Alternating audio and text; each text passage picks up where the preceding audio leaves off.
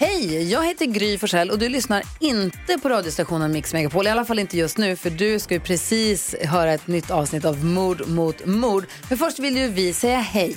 Hej, hej, det här är NyhetsJonas. Det här är Carolina Widerström. Och här är Gullige Dansken. Ja, och så Gry då. Och det vi vill säga att när du har lyssnat klart på den här podden, då får du gärna lyssna på våran. Vi spelar in ett nytt avsnitt varje morgon av våra podd Kvartsamtal. Och hela radioprogrammet blir ju också en podd om man är väldigt morgontrött eller så. Just det, om man missar morgonen ja. Men mest av allt så får du gärna lyssna på programmet i direktsändning varje morgon på Mix Megapol. Live varje morgon från klockan sex och då har vi med oss massor med vänner också. Thomas Bodström, Babben Larsson, Johan Pettersson, Christian Luuk. Massor med coola människor som bara dyker upp och gör livet bättre. Ja, som jag, Gullige Dansken. Exakt så. Och så mycket bra musik och annat skoj såklart. Så vi hörs när du vaknar på Mix Megapol. Podplay.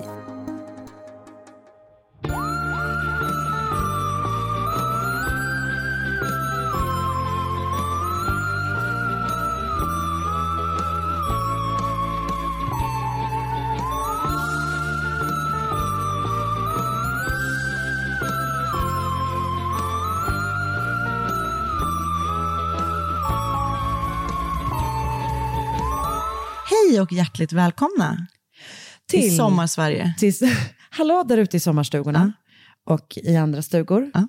Eh, och i, I lägenheter. länder, lägenheter, finnes kanske.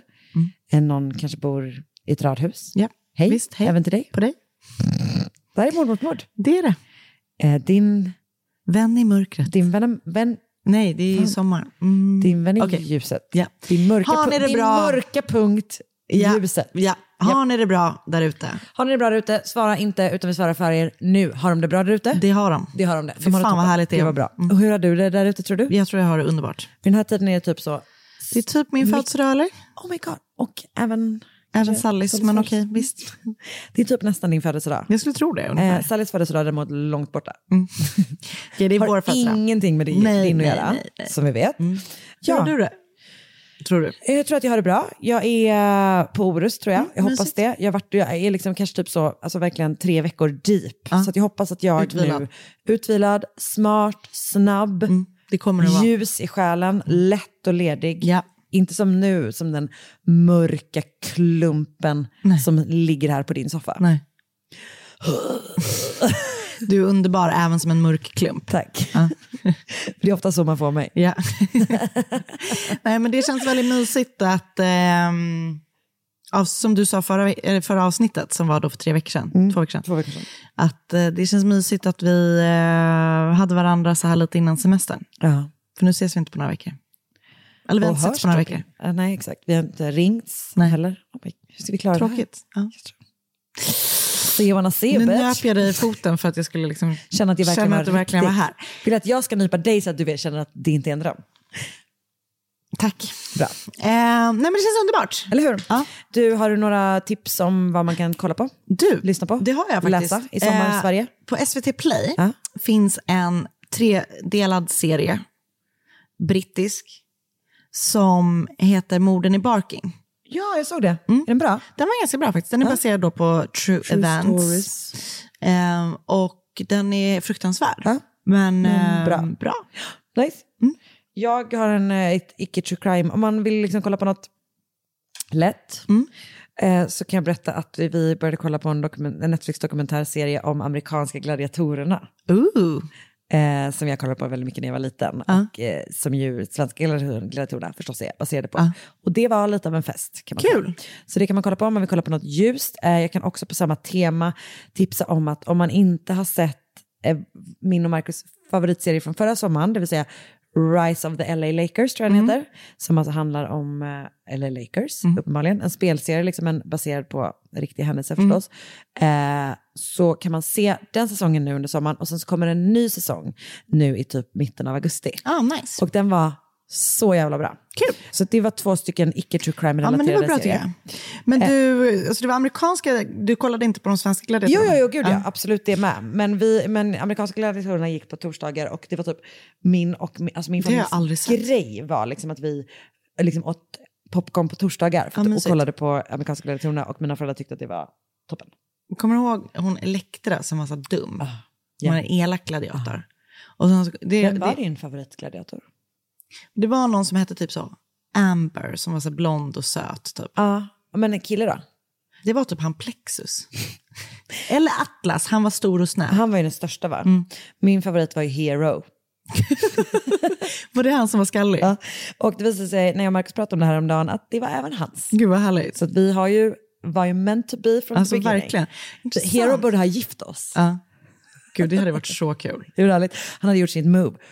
Just det, han gjorde så. För hon Elektra, hon gjorde så här. Ah, sån. Coolt. Mm. Eh, men du, innan vi sätter igång med veckans fall, den här veckan så är det ju jag som Ja, det ska kommer. bli kul.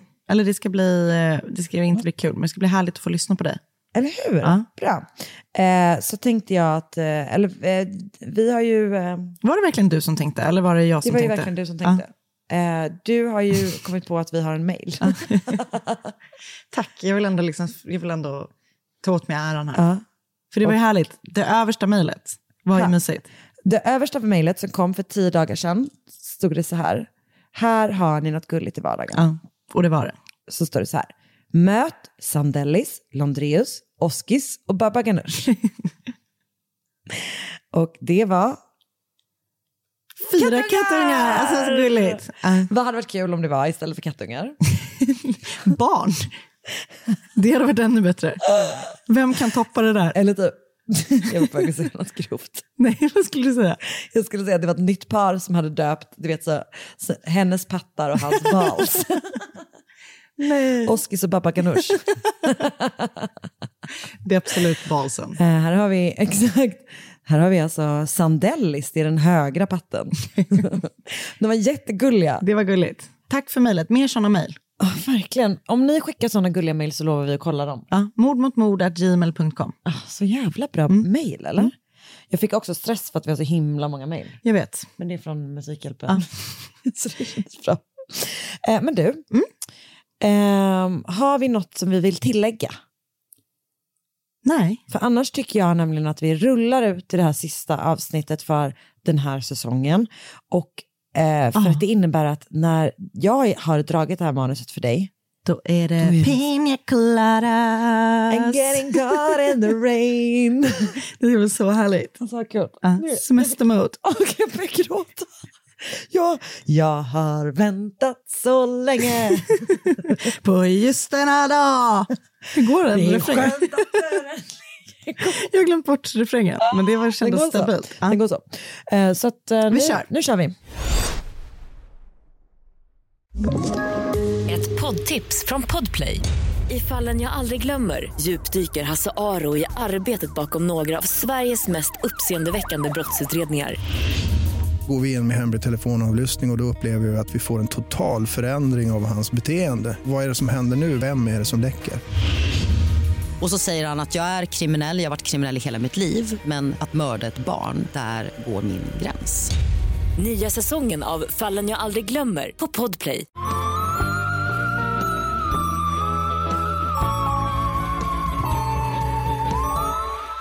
Min berättelse den här veckan är alldeles, alldeles fruktansvärd. Och den utspelar sig alltså, på den kanske osomrigaste platsen under den liksom osomrigaste tiden på året och en av de osomrigaste tiderna i världshistorien. Mhm. Det låter julafton. det skulle vara, vad heter det, eh, medeltiden typ. Ja. Men det är det inte, utan eh, det är London, februari 1942. ja, det kändes inte somrigt. Nej, väldigt osomrigt. Eh, Så andra världskriget har alltså pågått i snart tre år. Tyskarna bombar brittiska städer intensivt under the Blitz, Mm. som ju är tyskarnas luftburna attack på Storbritannien under 1940 och 1941. Det har liksom skadat landet enormt.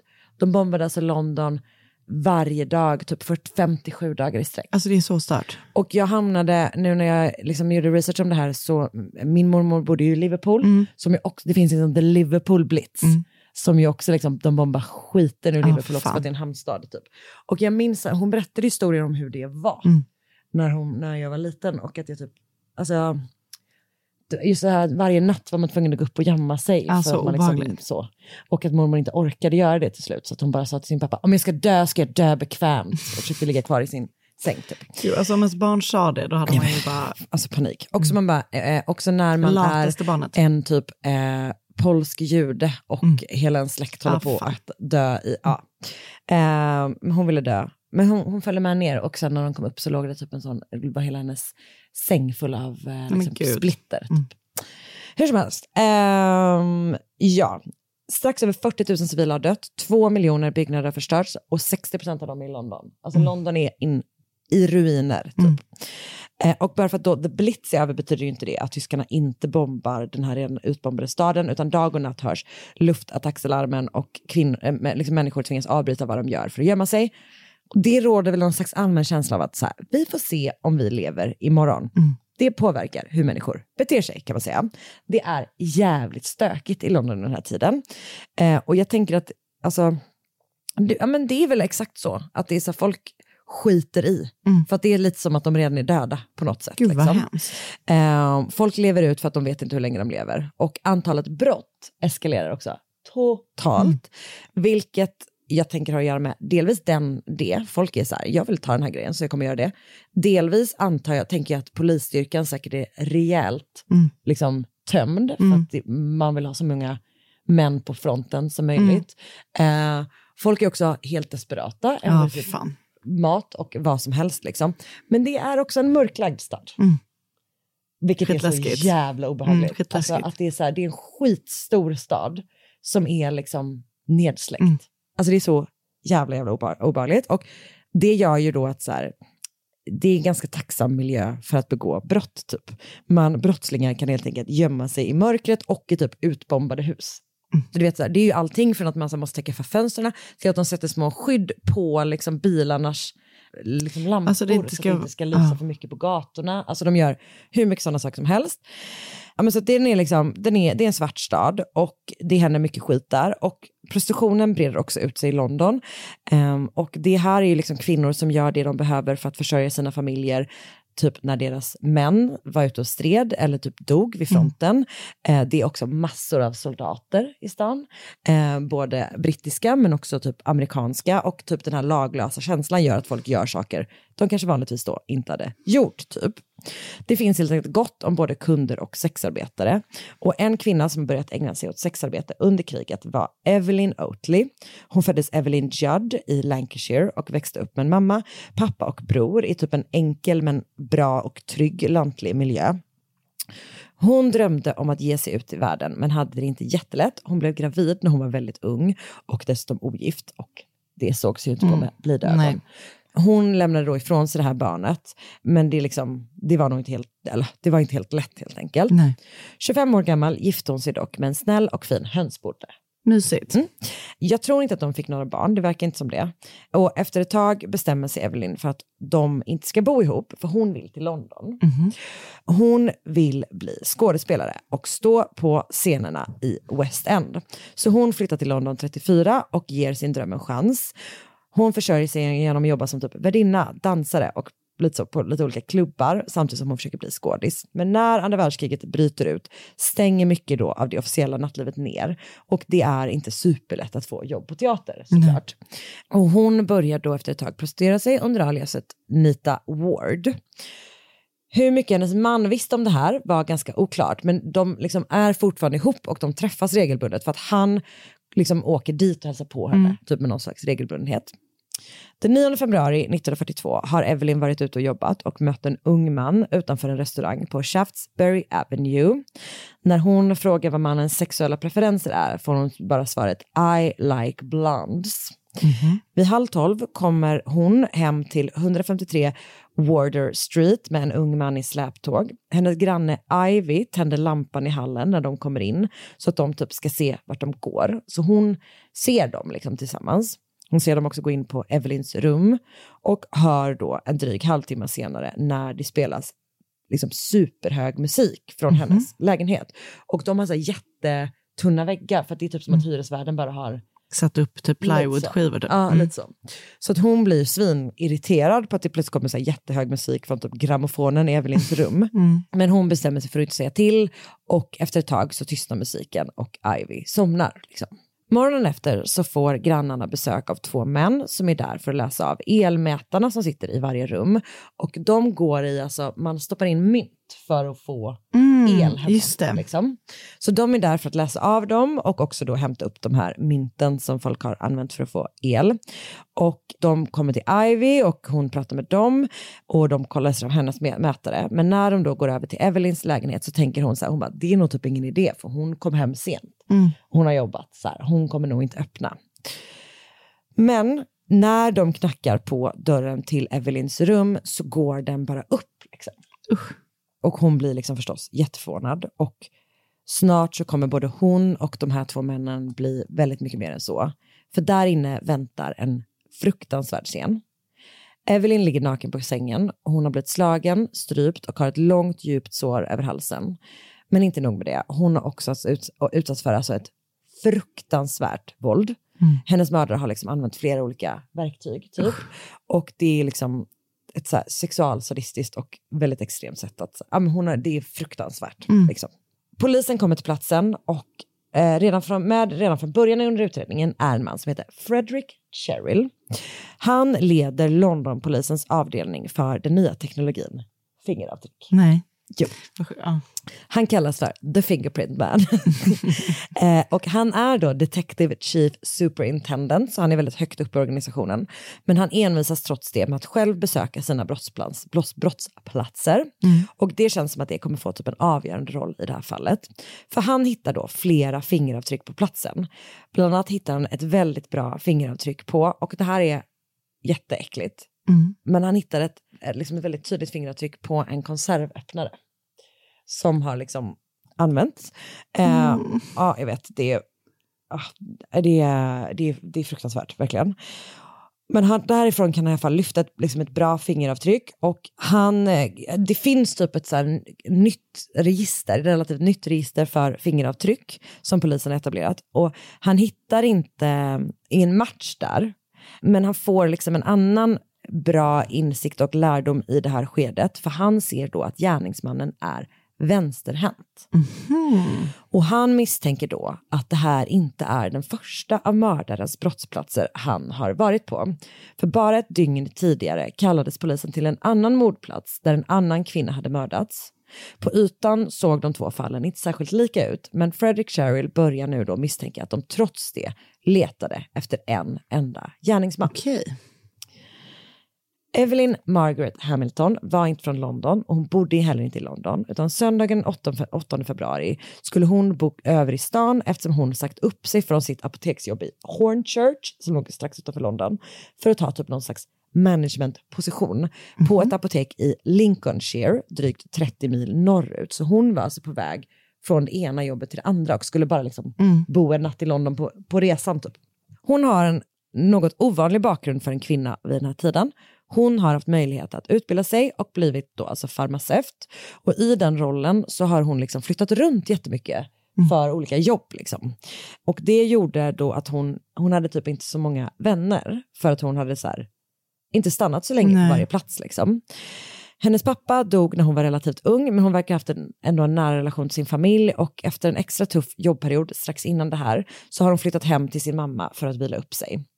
Hon har också då, som sagt, utbildat sig till farmaceut, men hon har också pluggat vidare och typ läst kemi, vilket jag tänker ändå är sjukt Mm, ovanligt alltså verkligen. för en kvinna på typ 30-40-talet. Så. Eh, och hon fick liksom då så bättre och bättre jobb och tackade då till slut ja till den här managementrollen i eh, Grimsby i Lincolnshire. Den 8 februari var hennes födelsedag och när hon kom fram till London relativt sent den kvällen och hittade ett hotell så bad hon om tips på en restaurang som hade öppet. Så hon hamnar på Ma- Mason Lions Corner House och där ser en servitris henne dricka ett glas vitt vin för att fira sin 48 41-årsdag. Och hon blir då liksom den sista personen som bekräftar att hon har sett Evelyn Hamilton vid liv.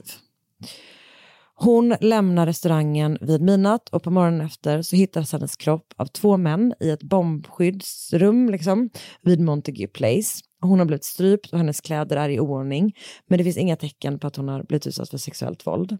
Hon har inte heller blivit utsatt för den här typen av övervåld och liksom så st- stympad efter döden, så som Evelyn Oatley har, eh, eller blir dagen efter. Så de är väldigt de är liksom olika på så sätt och de är också olika på var det är. Alltså att det här är, Mm. det ena är en lägenhet, det andra är liksom en sån bomb, bombskydd liksom. Mm. Men hennes handväska hittas, den har blivit liksom tömd på pengar och Evelyn Hamilton hade nära 80 pund med sig. Eh, Och det är ju Måste varit jättemycket nu. pengar. Mm. Skitmycket Mm. pengar då. Och till en början så hittar man ju inte vem hon är, för det Nej. finns liksom, hon har ingen identifikation på sig. Man typ frågar runt massa och till slut så kommer man då fram till vem hon är. Ehm, och med hjälp av blåmärken kom då Frederick Cheryl fram till att personen som dödat Evelyn Hamilton varit vänsterhänt. Och det gör då att han när han dag, bara dagen efter är eh, hemma hos Evelyn Oatley misstänker att det är samma Mm. gärningsperson. Vad sjukt. Ja, jag vet. Ett poddtips från Podplay.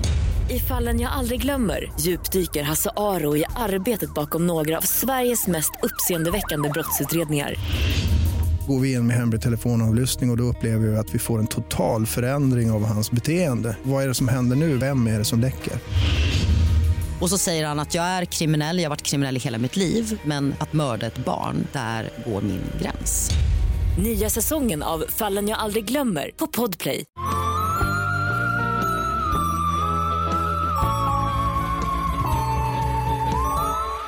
Torsdag kväll den 12 februari, så det är alltså två dagar efter att Evelyn Oatley hittats i sin lägenhet, är en kvinna som heter Catherine Mulcahy ute och jobbar. Hon är sexarbetare och går i sitt arbete under alias Kathleen King. Hon är 25 år gammal och nog typ ganska luttrad av vad livet har gett henne. På Regent Street träffar hon den här kvällen en ung man som är trevlig och pratar med fin dialekt. De kommer överens om att han ska betala två pund och så ska de ta en taxi hem till hennes lägenhet. Hon tycker att han är lite off typ. Alltså han är ovanligt på. Han är ovanligt på att typ betala. Alltså han, liksom, han känns ivrig på ett sätt som hon tycker är konstigt och hon har typ ganska mycket erfarenhet liksom. Men hon behöver väl helt enkelt jobba. Så hon går emot sin magkänsla och tar då hem den här mannen. Väl i lägenheten tar hon av sig alla sina kläder men behåller kängorna på. Och hon säger typ att ett märkligt leende sprider sig över hans läppar när hon klär av sig. Han börjar ta av sig kläderna. Hon lägger sig på sängen och han, hon typ säger så här, kom hit typ. Och han går mot henne och sen så flyger han på henne. Och han typ dunkar sina knän i hennes mage typ på något sätt. Ehm, och sen tar han strypgrepp på henne. Men Catherine börjar då sparka med sina kängor och får in en bra träff på mannen och lyckas ta sig loss. Nej.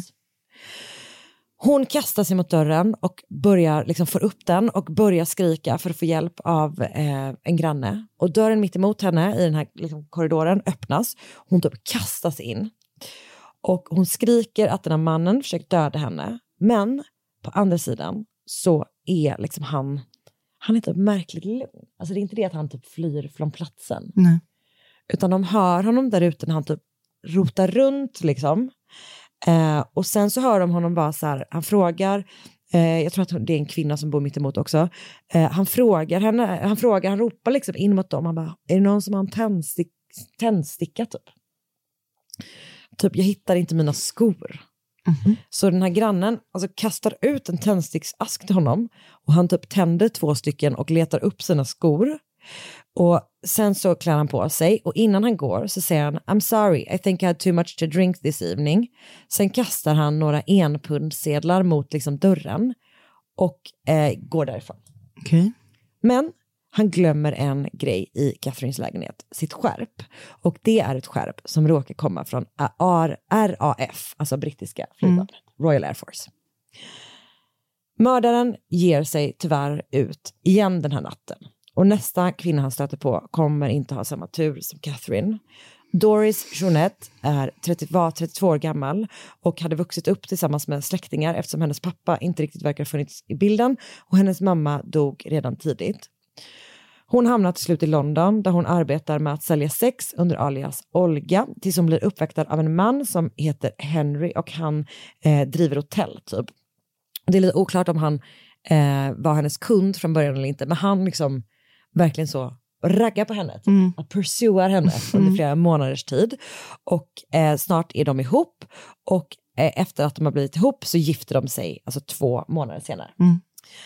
Och det är då hösten 1935. De driver till en början ett café ihop i London, men sen lämnar de stan för kusten, där de verkar leva på hans pengar som han har från de här hotellen. Liksom. Mm. Men så kommer kriget och tvingar dem tillbaka till London, där de börjar ägna sig åt sina gamla yrken. Han driver hotell och hon säljer sex. Och till slut så får han en tjänst som tvingar honom att liksom bo på jobbet under veckorna. Så han bor på något hotell. Liksom. Mm. Eh, och sen så träffas de varje helg. Och det här, och att han typ nog kanske inte riktigt känner sig helt bekväm med hennes yrkes, Nej. y- yrke och sådär, gör att de har, de har det ganska tufft Mm, tillsammans. mm. Liksom. Det är också, vad fan är det att inte ha det tufft under den här tiden? Ehm, men så att de har en svår, de liksom, det är en tuff relation och de glider ifrån varandra helt Mm. enkelt. Samma kväll som mördaren gett sig på Catherine Mulcahy är eh, Doris ute och jobbar och sista, är sista gången hon ses i liv är när hon tar ett glas med en vän strax innan halv elva den 12 februari. Hon säger att hon ska träffa en av sina regulars, en man som hon kallar för the captain. Men vad jag förstår det så verkar det som att så här, hon träffar aldrig the captain utan hon möter en annan man på vägen och tillsammans så åker de då till hennes lägenhet i Bayswater. Kvällen efter, alltså den 13 februari, kommer Doris man Henry hem från sitt jobb och upptäcker att dörren till eh, sovrummet han delar med sin fru är låst och han blir orolig direkt och kallar på polis som först kollar sovrumsfönstret men det är då också låst. Och de bestämmer sig för att sparka in dörren. När de kommer in så möts de av ytterligare en alldeles fruktansvärd brottsplats. Doris har blivit strypt med en strumpbyxa, hon är liksom poserad naken mitt i sängen och alltså, utsatt för liksom ett fruktansvärt sadistiskt våld. Mm. Och det är liksom, mm, även här så har mördaren använt många olika verktyg och de är liksom placerade runt på brottsplatsen. Alltså, det är verkligen som att den här personen har poserat både kroppen och liksom de här föremålen för att det ska vara värsta, alltså mest chockerande brottsplats för den som upptäcker den. Liksom. Hon har också då rånats på de pengar som hon hade. Eh, och typ några andra saker saknas också. Men det här är inte den enda kroppen som hittas den, här, den, liksom, den 13 februari. För när Frederick Cheryl får meddelandet om Morris på Doris Joannette är han och hans team på en annan brottsplats. Tidigare under dagen har de kallats till en lägenhet på Gosfield Street som tillhör 43-åriga Margaret Florence Lowe. Hon är född Burkett på Nya Zeeland men av brittiska föräldrar som tar med sig sina fyra barn och flyttar tillbaka till London när de är små. Liksom. Hon har inte haft något jättelätt liv. Man vet inte supermycket om henne, men familjen får det liksom inte lättare av varken flytten till London och inte heller då förstås när hennes pappa dör i första världskriget. Nej. Så ganska tidigt börjar Margaret sälja sex för att försörja sig och sin familj. Men hon träffar också en man, en man som heter Frederick Lowe. Han är enkeman, ganska mycket äldre än henne. Han är liksom en snäll person och de blir ihop. Tillsammans flyttar de också till kusten. Alltså hon har en ganska lik historia som Doris kan man väl säga. De får en eh, dotter tillsammans och där skiljer de sig då. Ehm, och öppnar en butik i deras nya hemstad. Så att det är liksom som att hon har haft det här skitjobbiga, jobbiga livet. Sen har hon liksom träffat den här mannen, de har kommit iväg, hon har liksom fått börja på en ny kula. Typ. Och de öppnar den här butiken. Men 1932 så dör Frederick oväntat och där är det som att hennes liv vänder igen. Liksom. Hon hamnar i liksom ekonomiska problem, tvingas sälja butiken. Hon bestämmer sig för att skicka sin dotter på internatskola och återvänder då till London där hon till slut hamnar i sexarbete igen för att kunna se till att hennes dotter typ får en bra utbildning. Så att det är som att hon liksom, alltså den här historien är verkligen full av kvinnor som gör det de behöver för att typ de och deras nära ska överleva. Usch, det är så... Mm. Och hon sticker liksom ut bland de andra kvinnorna som jobbar på Londons gator. Hon är ganska så propert och typ fint klädd. Alltså typ att hon ofta kanske har på sig en pälsmössa eller typ en, Ah, päls, okej. alltså en Mm. päls typ. Och hon pratar också väldigt fint och hon får då bland liksom tjejerna så smeknamnet The Lady. 1942 är hennes dotter Barbara 15 år gammal och hon hälsar på sin mamma i London varannan helg. Och de så här, hon vet om vad hennes mamma gör, alltså de verkar ha en bra relation. Liksom. De så här, hon åker och hälsar på sin mamma, de är typ ute och äter tillsammans, de shoppar tillsammans, de går på bio, alltså så. De, eh, men när Barbara kommer till sin mammas lägenhet eftermiddagen då, den 13 februari så sticker en granne ut huvudet och säger att hennes mamma inte sätts till på två dagar. Det har kommit en leverans till henne men den står kvar utanför hennes dörr och hennes dörr är då låst. Så att hon har då inte, det är 13 februari nu, hon har inte sett till sedan den 11 februari, vilket alltså är eh, alltså innan den, liksom, det förra mordet. Liksom. Eh, så det, eh, tidslinjen här blir lite omkastad för att eh, det är ingen som upptäcker den här brottsplatsen på två dagar. Liksom. Och som tur är då så kallar Barbara på polisen så det är inte hon som öppnar dörren till hennes mammas lägenhet. För där inne väntar ytterligare en fruktansvärd scen. Hon har också blivit strypt med en strumpbyxa och utsatt för liknande typ av vidrigt, vidrigt våld med flera olika verktyg och också liksom blivit poserad eh, på ett effektsökande sätt. typ. Hon har också blivit bestulen på pengar och typ tillhörigheter. Så. Fredrik Cheryl är på plats, lyfter fingeravtryck från flera föremål i lägenheten som har direkt koppling till det här våldet. Och som sagt hinner polisen alltså inte ifrån Margaret Lowes lägenhet innan de får budet om att Doris Joannette hittas. Så de, det kommer typ en bud, liksom, liksom en, en budbärare typ. Ja, exakt. Så de får dra sig vidare därifrån. Det har alltså gått fem dagar mellan att Evelyn och Hamilton mördats och Margaret och Doris hittas. Så under fem dagar har fyra kvinnor mördats och en attackerats. Och polisen är alltså säkra på att det är en och samma gärningsman. Så Alltså, sjukt. Helt absurt liksom. När de pratar med vittnen så får de en bild av att den här mannen då är eh, ung, han pratar fin överklassbrittiska och har liksom fina manners. Eventuellt är han i det militära, det verkar som att man tror att han är i flygvapnet. Eh, men det finns också flera vittnesmål som säger typ annat, alltså typ att någon är så här, han var kanadensare, alltså det är, han var amerikan, typ. det finns liksom lite olika. Man får ju också då komma ihåg att det här, det är många som har sett honom typ nattetid i Ja, en nedsläckt stad. Typ. Under, tänker jag, ganska så kaotiska, typ i barmiljö eller så. Liksom. Pressen har då fått upp ögonen för det här och det är lite oklart om det händer då eller senare, men han kommer i alla fall över tid få smeknamnet The Blackout Ripper. Och det man får komma ihåg är att det här är typ 40-50 år efter Jack the Ripper. Alltså det är inte så jävla länge sedan. Liksom. Och plötsligt är det en ny person som liksom terroriserar Londons sexarbetare på det här fruktansvärda jävla sättet. Men hur lätt är det liksom att hitta typ en nål i en nedsläckt höstack? Typ? Polisen hittar ingen match på de här fingeravtrycken. De behöver ha tur och det kan man väl säga att de typ har snart. För samtidigt som polisen jobbar hemma i Doris lägenhet ser en man ett svagt blinkande ljus liksom i en dörröppning nära Piccadilly Circus. Han har tappat sin telefon. Jag skojar. Ja, korrekt. Han var tidsresenär.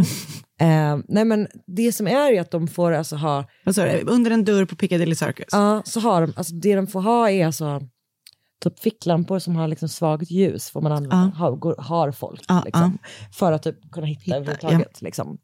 Ehm, så att den här mannen typ går närmare och eh, är så här, vad är det som händer där borta typ? Och då ser han liksom en man som ger sig på en kvinna och han typ ropar till och är så här, du vet, vad håller du på med? Typ. Eh, och då trycker sig mannen förbi honom och flyr därifrån. Kvinnan på mar- marken heter Margaret Haywood och kallas Greta. Och hon har stött på den här mannen på en bar. Han frågar henne om hon vill äta middag och hon tackar ja. Men redan på vägen till restaurangen börjar hon ana oråd. Alltså hon tycker att han beter sig konstigt och typ var liksom konstigt på henne typ. På restaurangen inser hon också att han inte verkar vara så intresserad av att äta middag utan han vill med supa, flasha sina pengar och skryta om sin fina bakgrund. Vem vill inte? Och hon vill dra sig ur och ber honom följa henne tillbaka till baren där de träffades. På vägen dit berättar han plötsligt att he knocked a girl out en gång. Typ. Och hon bara, okej, eh, konstigt skryt typ. Eh, hon blir allt mer illa till mods och det blir inte bättre när hon inser att så, han leder inte henne tillbaka till baren. Nej. De är på väg åt fel håll. Så att han liksom, hon säger väl någonting om det och plötsligt då så drar han in henne i någon slags gränd, i någon slags dörröppning och försöker först kyssa henne och sen lägger han händerna om hennes hals och börjar strypa henne. Alltså paniken. Men den här förbipasserande mannen ser då hennes ficklampa blinka och avbryter attacken. Greta är tilltygad men vid medvetande och bredvid henne ligger en påse. I påsen ligger en gasmask. Uh. Den är utfärdad av Royal Air Force. Ja. Och mannen tar då med sig den här när han halvt börjar liksom bära Greta mot Piccadilly Circus för att få tag på en polis. Mm. Hon kommer att överleva och hon kommer också att bli den sista kvinnan som The Blackout Ripper ger sig på. För den här påsen med den här gasmasken har ett nummer i sig, alltså gasmasken Oh. har ett nummer i sig som motsvarar alltså den soldat som den tillhör. Ja. Numret är 52, nej, jo, 525 987. Och när polisen kontaktar flygvapnet får de namnet som hör till numret. Gordon Frederick Cummins, en 21 och 28 år gammal gift och ostraffad man Nej. som förstås säger sig vara helt oskyldig. Han säger att han har sin gasmaskpåse, alltså han, han har den, liksom. han hade med sig den när han var ute och drack den kvällen den 13 februari. När det visar sig att han har fel gasmask, alltså att den gasmasken han har inte är hans, har hans nummer, säger han att han måste ha fått med sig fel från den baren han var på och att den andra soldaten som nog fick, Ja. nog fick med sig hans. Liksom. Men det är ingen som tror på honom och snart hittar polisen saker i hans ägodelar som direkt kopplar ihop honom med morden. Gordon Cummins kom från Yorkshire, var äldst i en syskonskara om fyra. Hans pappa är någon slags rektor typ. Hans mamma jobbar inte. Han, är, han har liksom en bra bakgrund, typ. Trygg men inte liksom fin. Så, helt vanlig. Han är helt okej i skolan. Men, och det här tycker jag är en härlig beskrivning av någon. De säger att han verkar mer vara intresserad av det sociala med skolan än av det akademiska. Vad man kan relatera till det. alltså, Verkligen så. Ja. Verkligen. För Gordon är det tidigt viktigt hur han framstår. Alltså jag tycker typ att det finns vissa likheter med han som du berättade om för två Ja. veckor sedan. Alltså, när han blir äldre och flyttar hemifrån, han flyttar runt en hel del och typ byter jobb väldigt mycket, så börjar han påstå att han är väldigt rik och har en väldigt rik och väldigt fin familj. Han gillar att liksom flasha med sin livsstil, typ. han gillar att bjuda folk på olika drinkar och vara en så stor man. Typ. Ehm, men verkligheten är då en annan. Som sagt, han kommer från en helt vanlig familj, trygg, stabil, men absolut inte överklass. Eh, och han är inte jätterik. Men ju äldre han blir, desto mer spelar Gordon ut den delen av sig själv. Han låtsas liksom vara aristokrat. Ja. Verkligen. Och han går då in med i armén och tar siktet på det ändå så idealiserade liksom flygvapnet. Alltså det är fint Ja. att vara pilot, liksom. Det är ju typ ändå den så kanske, Tjusigaste. alltså verkligen, jag var verkligen på väg att säga något grövre. Knulligaste delen av armén, Ja. men också tjusigaste, Ja. båda två. Eh, och jag tänker att det kanske inte är så oväntat att han väljer just att Nej. bli, ställa in siktet på att bli stridspilot. Gordon flyttar, då som, han flyttar runt lite grann mellan olika baser och typ loggar flygtimmar. Han skaffar vänner och ett coolt smeknamn för att han då, alla, de folk Goose. tycker att han är Goose, sa du det? Mm. Jag gillar det, men det var geese. Nej, ska jag bara. Nej men alltså han är så här, folk tycker att han är störig. För att han gör sig så jävla fin Ja, hela tiden. Det hatar man ju. Men de tycker att det är nice att han bjuder dem på drinkar. Såklart. Under ett tag så jobbar, tar han anställning på typ baren på flygvapnet och bara ger bort drinkar till alla. Ja. Han får smeknamnet The Count. Åh gud. Ja. Eh, vilket jag tänker han är svinnöjd med. Men Såklart. alla typ tycker, det här är min egen tolkning, jag Ja. vet inte om han är svinnöjd med det. Men jag tänker att han är svinnöjd med det, men att alla typ gör det som ett skämt. Ja. Men som sagt, han är nog hälften störig, hälften populär. Men det går bra med damerna och ett på par år innan kriget bryter ut gifter han sig med en kvinna som heter Marjorie.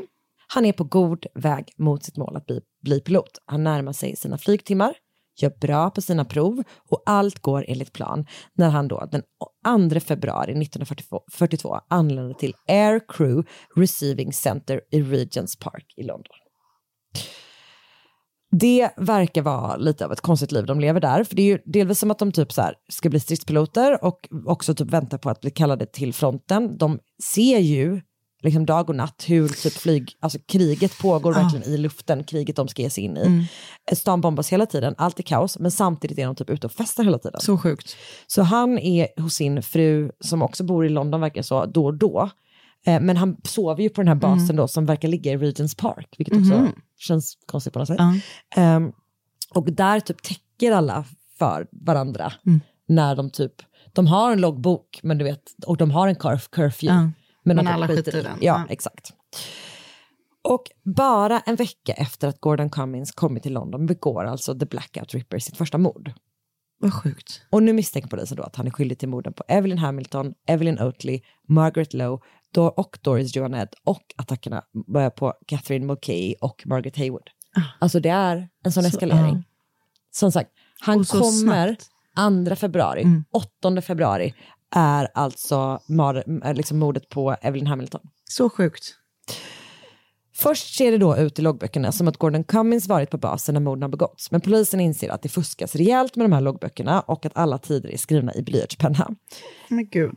När de söker igenom Gordons ägodelar hittar de bland annat ett cigarettetui som tillhört Evelyn Oatley och en bild på hennes mamma, vilket känns som en sån jävla grov Åh. grej att stjäla typ. Man hittar bland annat en penna och en kam som tillhör Doris eh, Joanette eh, och serienumret på sedlarna som mannen som attackerade Catherine Mulcahy kastade liksom efteråt när innan Mm, han mm. gick stämmer alltså direkt överens med sedlar som Cummins har fått utbetalt från flygvapnet. Man hittar murbruk i den här påsen med gasmasken som stämmer överens med brottsplatsen där man hittade Evelyn Hamilton. Men gud. Man hittar blodspår på hans tillhörigheter. Man kan ju inte se vem Nej. de tillhör vid den här tiden. Eh, men man hittar ändå blodspår. Och ma- man matchar också hans fingeravtryck med de man hittat i Evelyn Oatley och Margaret Lowes lägenheter. Och det är ju, som sagt, de är ju fingeravtryck hittade på liksom verktyg som har använts i Mm. morden. Typ. Så det är inte heller det att han kan säga så här, men typ Ja. ja, jag har köpt sex. Exakt. Alltså du vet så. Catherine Mulcahy är lite osäker när hon ska peka ut gärningsperson från en lineup. Hon pekar ut Gordon först men blir sen fundersam och är så här, eller det kanske är han typ, Mm. någon an- om någon annan. Men Greta Haywood pekar ut, alltså hon är helt säker från första stund. Gordon Cummins var mannen som attackerade henne. Och han är då förstås också vänsterhänt. Gordon Cummins ställs inför rätta, men bara för ett av morden, det på Evelyn Oatley. Och det verkar vara typ standard att man gjorde så. Jag såg någonstans att man bara kunde bli åtalad för ett mord i taget. Jag såg också någon annanstans att det var så här, de tänkte att vi försöker på honom, ta honom på det här, men om det inte funkar, Alltså tar man nästa. Mm. Jag vet inte. Hur som helst så är hans försvar, försvar är typ bara så här, jag gjorde inte det. Allt är tillfälligheter och typ jag sätts dit av den riktiga gärningspersonen. Men också verkligen att de ifrågasätter fingeravtryck som bevis. Alltså den liksom Det är tekniska. så... ja. Det är verkligen en annan tid. Ehm, när Fredrik Cheryl vittnar får han frågan om hur säker han är på att fingeravtrycken matchar med Gordon Cummins och han säger att han är beredd att sätta hela sin karriär på att det är Yeah. hans. Juryn diskuterar i 35 minuter, sen kommer de tillbaka med domen. Gordon Cummins är skyldig och för det ska han då dömas till döden. I efterhand har misstankar om att Evelyn Hamilton inte var Gordon Cummins första offer liksom lyfts. Vilket är så här, det är helt sjukt att vara helt ostraffad och sen gå Och sen, vidare. ja. Och på något sätt kan jag ju tycka typ att så här, äh, mordet på Evelyn Hamilton och den här sista äh, attacken på Greta Haywood, de är ju lika. Mm. Men de här morden i mitten är ju inte, Nej. de är ju annorlunda typ. Eh, men så här, det finns ju inga, polisen har inga annan, andra, nej. liksom, inga andra misstankar att det skulle kunna vara någon annan person eller sådär. Eh, men som sagt, det är en esk- extrem eskalering. Man Eh, som är verkligen säga. helt absurd verkligen. Och då finns det teorier på att det här inte var hans första offer. Utan det finns officiella misstankar liksom från Scotland Yard Mm. om att han kan ha legat bakom ytterligare två mord. 19-åriga Maple Churchyard mördades den 13 oktober 1941 och hittades i ett utbombat hus på Hampstead Road. Fyra dagar senare, den 17 oktober, mördades den 48-åriga Edith Eleonora Humphreys och hon hittades död i sin lägenhet i Regents Park. Och typ, det verkar finnas att man kan se att han typ har varit i de här områdena vid den här tiden. Liksom. Okej. Så de tror att han åtminstone också kan ha begått de här morden.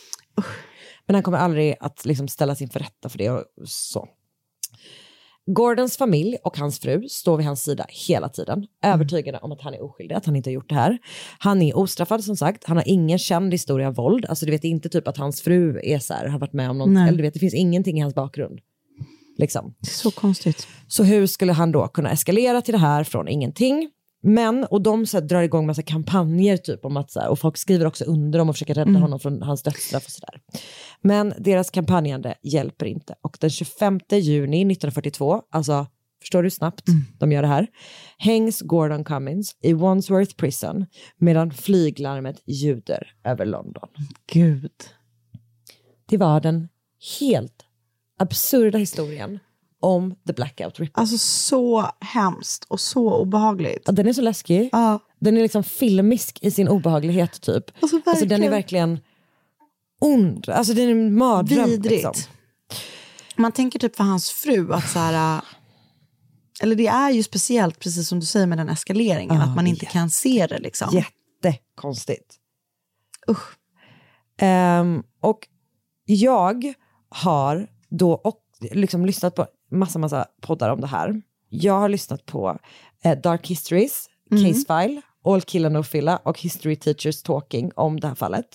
Jag har också sett avsnitt två, säsong två av programmet Murder Maps som finns på Viaplay. Jag har läst på Crime and Investigation, underbara criminalmindsfandom.com. Eh, på Murderpedia och så har jag förstås också ett gäng artiklar på Wikipedia. Men det finns alltså en poddserie om det här som jag har typ börjat lyssna på. Eh, Det var så jag liksom hittade det här fallet eh, som heter Bad Women, The Blackout Ripper eh, av Pushkin som är, är jätte, liksom, de avsnitten jag har lyssnat på har varit jättebra. Den är, de är lite sådär dramatiserade Mm. och så. Eh, en riktig djupdykning i det här fruktansvärda Fruktansvärt, verkligen. fallet. Usch. Ehm, ja. Tack Karin för en fruktansvärd resa. eh, Ja, jag är det. ledsen alltså. Jag är Mm. hemskt ledsen. Ehm, det, jag kunde liksom inte... Ja, det var spännande. Vissa saker, vissa kan man inte... Backa från. Nej, exakt. Nej, jag vet. Du, tack för den här veckan. Och nästa vecka igen så blir det väl lite... Från arkivet. Från arkivet, ja. Och sen så är vi tillbaka med ett... Jajamän. eh, Ett förinspelat. Exakt. Från den vanligt- gamla goda tiden när jag var gravid. Nu är han här. Han sitter här. Han sitter där och tittar på oss med dömande, Dömande. blick. Och med det så tänker jag att vi säger hoppas ni har en underbar sommar. Ja. Och eh, tack för den här eh, mord och mord-säsongen. Och eh, nu tänker vi gå på semester. Hej då! Do you like pina Coladas. Getting caught in the rain. Hej då! Hej då!